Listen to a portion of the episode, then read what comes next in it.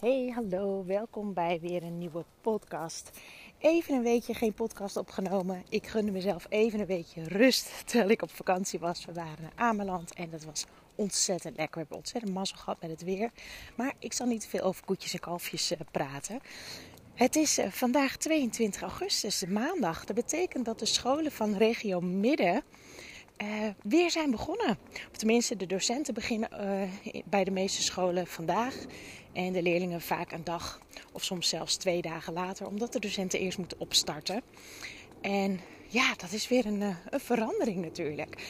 Ik begin morgen ook weer voor het eerst na mijn vakantie. En morgen begin ik dus ook op een school in regio Midden, in Vlaardingen om precies te zijn. En daar mag een presentatie geven aan alle docenten van een school.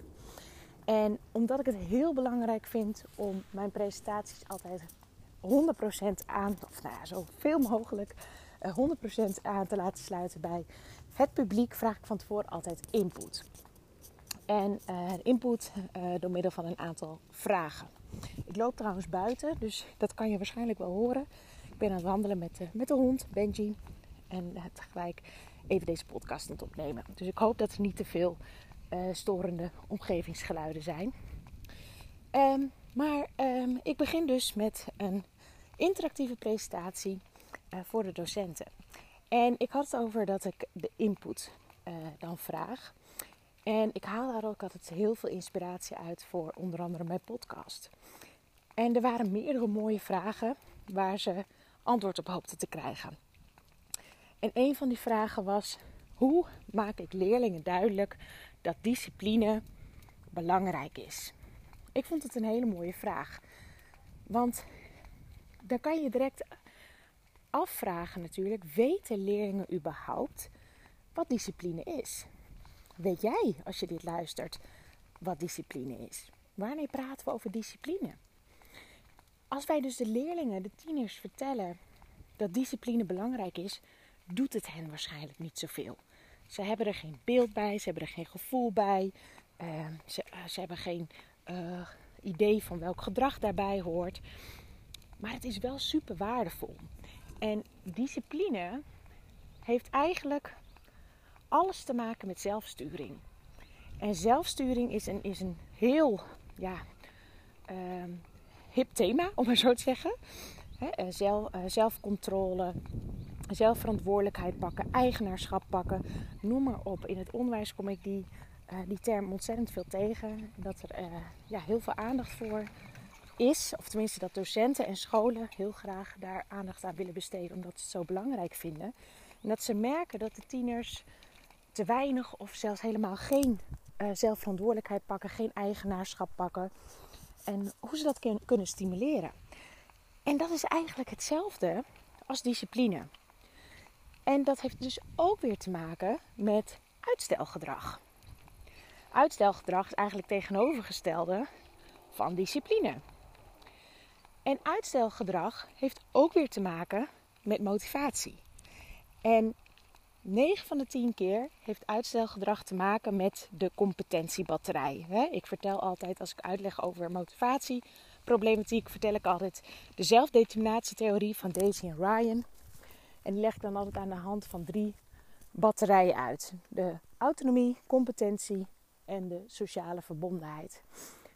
En de batterij competentie gaat dus uh, erom dat ze weten wat ze moeten doen, uh, hoe ze het moeten doen, waarom ze het moeten doen, wanneer ze het moeten doen.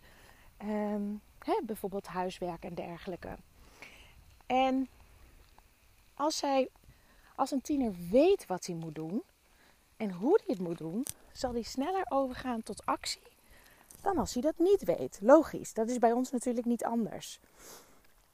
Dat betekent dat als iets niet duidelijk is of ze hebben niet uh, helder waarom ze iets moeten doen, dan zullen ze niet zo snel overgaan tot actie. Sterker nog, dan zullen ze gaan uitstellen.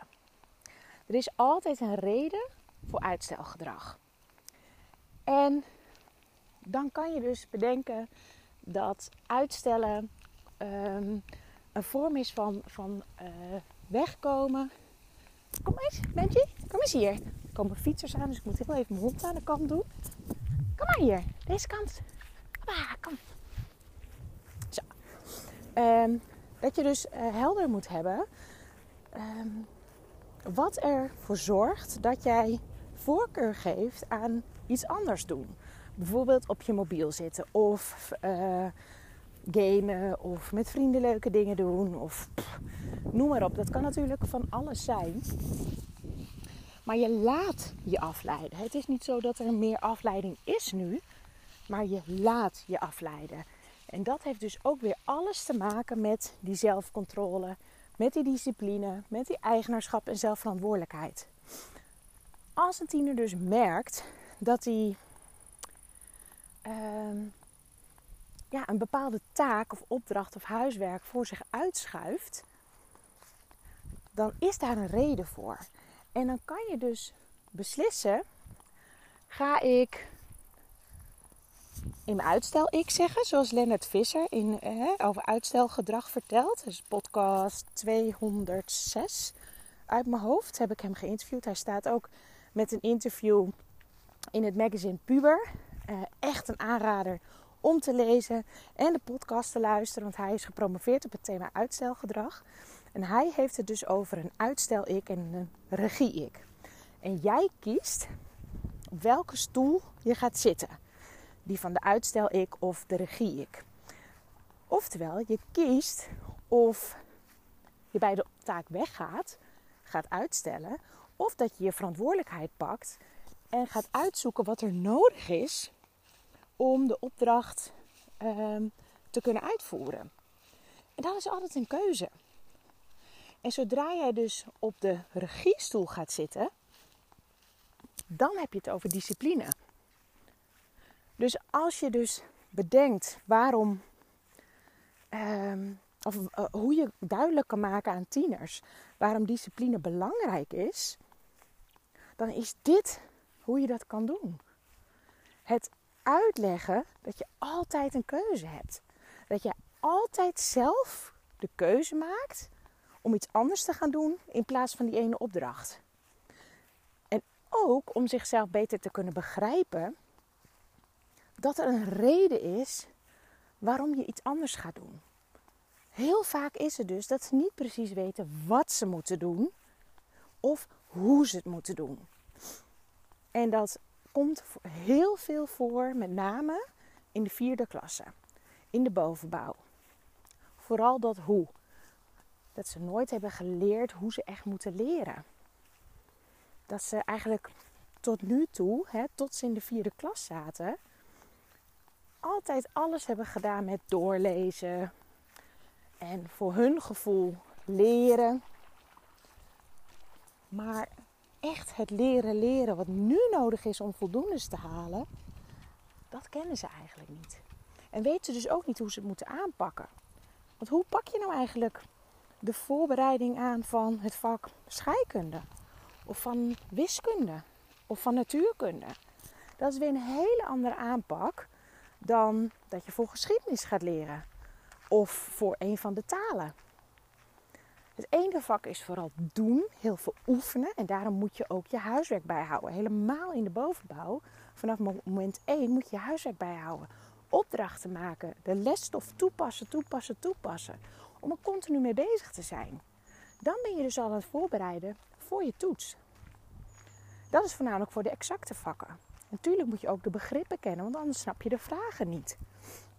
In de toetsen en dergelijke. Bij talen hangt vanaf wat voor soort toets je hebt natuurlijk. Maar kan het zijn dat je woordjes moet stampen. Of dat je grammatica moet begrijpen en toe moet kunnen passen. Bij geschiedenis zijn het weer hele lappen tekst. Die hoef je niet uit je hoofd te leren. Maar dan is het weer belangrijk dat je verbanden snapt. Waarom is dit gebeurd? Of waarom gaat dit zo? En je moet dus zelf, je moet dus weten hoe je iets moet aanpakken. En dat kan je niet weten als je nog nooit hebt hoeven leren. En daar ligt ook een taak voor de ouders en zeker voor de docenten om de leerlingen te begeleiden in hoe ze uh, de toets kunnen voorbereiden voor hun vak. Voor ons is het allemaal heel vanzelfsprekend en misschien voor, voor uh, ouders nog niet eens altijd, wat ik ook heel goed begrijp. sommige ouders zeggen van ja, ik vind het allemaal leuk en aardig, maar ik heb niet meer, ik heb niet de kennis en capaciteiten om mijn kind te overhoren en te helpen met zijn huiswerk en met zijn toetsen. Ik snap die lesstof niet meer. En dat snap ik. En dat is ook helemaal niet gek en eigenlijk heel erg logisch. Ehm, dus terug naar de discipline. Leg de tiener gewoon eens uit dat je altijd die keuze hebt. Dat je kan kiezen of je ermee doorgaat hè, met, met iets anders doen. Of dat je de keuze maakt, oké, nu gaat het gebeuren. Ik pak de regie, ik pak de eigenaarschap en de verantwoordelijkheid. En ik ga aan de slag hiermee. Hallo. En uh, zodra ze dat beseffen, dat ze dus niet meer het vooruitschuiven, maar het gewoon gaan doen, dan zijn ze dus bezig met de discipline. En dan gaan ze dus aan de slag en ermee door. Het dus niet stoppen ehm, wanneer ze ehm, ja, weerstand voelen. Wanneer ze eigenlijk geen zin hebben. Wanneer ze niet weten wat ze moeten doen of hoe ze het moeten doen. Of uh, een vak moeilijk vinden. Dan doorzetten. Hulp zoeken. Want waarom zou je geen hulp vragen aan mensen die al weten uh, hoe het moet en hoe het werkt? En heel vaak hebben tieners het idee dat ze het zelf moeten doen. Vooral van zichzelf dan, met name. En willen al helemaal geen hulp meer van ouders. Ze zijn ook aan het loskomen van ouders. Dus dat is allemaal heel begrijpelijk en heel normaal. Maar maakt het soms nog wel lastiger. Nou, hier kan ik dus uren over doorvertellen. Maar ik denk dat dit eigenlijk de kern van het verhaal is. En hoe je dus omgaat met motivatieproblematiek. Hoe je goede gesprekken aan kan gaan met leerlingen om bij de kern te komen. Ehm, hoe het zit met uitstelgedrag, faalangst, um, concentratieproblematiek en dergelijke. Al die thema's komen terug in mijn nieuwe verdiepende training voor docenten. En die is zo ontzettend waardevol, al zeg ik het zelf, dat ik echt het, ja, ik vind het fantastisch om die training te mogen geven aan docenten. Hij staat al op mijn website inmiddels. Je kan je ook al op de wachtlijst zetten, zodat je informatie krijgt als de data bekend zijn, wanneer we gaan eh, starten. En ik, ik, bij die input die ik kreeg zeg maar, van, de, van de docenten voor de presentatie die, uh, die ik dus vandaag ga geven. Ik neem dit op zondag op, maar jullie luisteren dit vanaf maandag. Ehm, word ik zo bevestigd in de thema's en de lessen ehm, ja, die ik heb gemaakt voor die verdiepende training. Dan denk ik, oh, ik wil eigenlijk bij elke vraag die er uh, die gesteld is, verwijzen naar die verdiepende training. Wil je dit leren, dan moet je de verdiepende training doen. Maar dat heb ik natuurlijk niet gedaan. Maar ik heb alle vragen uh, van de docenten heb ik allemaal beantwoord uh, op papier. Uh, die krijgen ze per mail, krijgen ze die uitwerking daarvan. Dus iedereen krijgt zijn vraag sowieso beantwoord. Als ik het niet al in de presentatie heb genoemd, dan kunnen ze het in ieder geval daar nog na nalezen. Dus vind je dat interessant? Ga even naar www.coachpraktijkblijleven.nl en zet je op de wachtlijst zodat je informatie krijgt zodra er meer bekend is over de verdiepende training van motivatieproblematiek. Ik wens jullie een hele fijne week. Doei doei!